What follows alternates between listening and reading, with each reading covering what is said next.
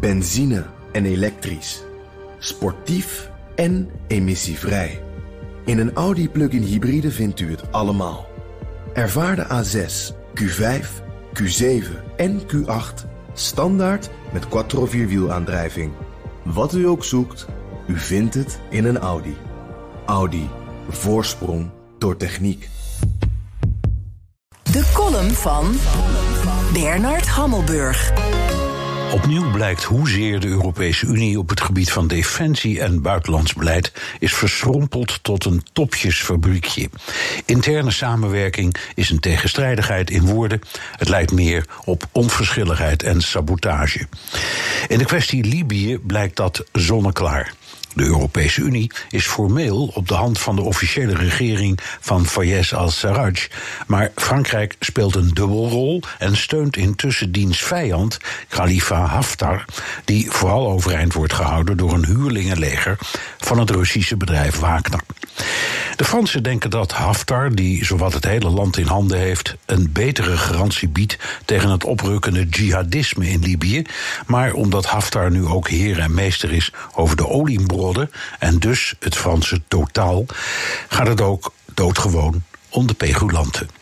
De Fransen erkennen hun steun, vooral in de vorm van wapens, niet openlijk en babbelen gewoon mee met de EU, zoals op de Libië-top van afgelopen weekend in Berlijn. Maar in feite staan ze lijnrecht tegenover de rest van de Unie en vooral Italië, dat in zijn voormalige kolonie Libië grote belangen en invloed heeft. De EU maakt zich behalve over olie druk over twee zaken: terrorisme en vluchtelingen. Om het dreigende terrorisme in Libië te lijf te gaan, heb je maar één optie: een gigantische legermacht met cyber, drones, commando's, luchtmacht en grondtroepen die zich voor vele jaren ingraaft. Daar wil geen enkel EU-land aan. Vluchtelingen hou je misschien tegen door een nieuwe zeeblokkade die buitenlandchef Borrell wel wil. Maar dan moet je niet tegelijkertijd met vrome praatjes komen over het lijden van het Libische volk. Je houdt dan immers ook Libiërs tegen die de barbarij in hun land willen ontvluchten.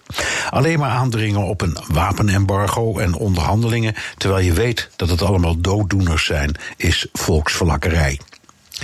EU-politici blijven zeggen dat de situatie in Libië een primair belang is voor Europa.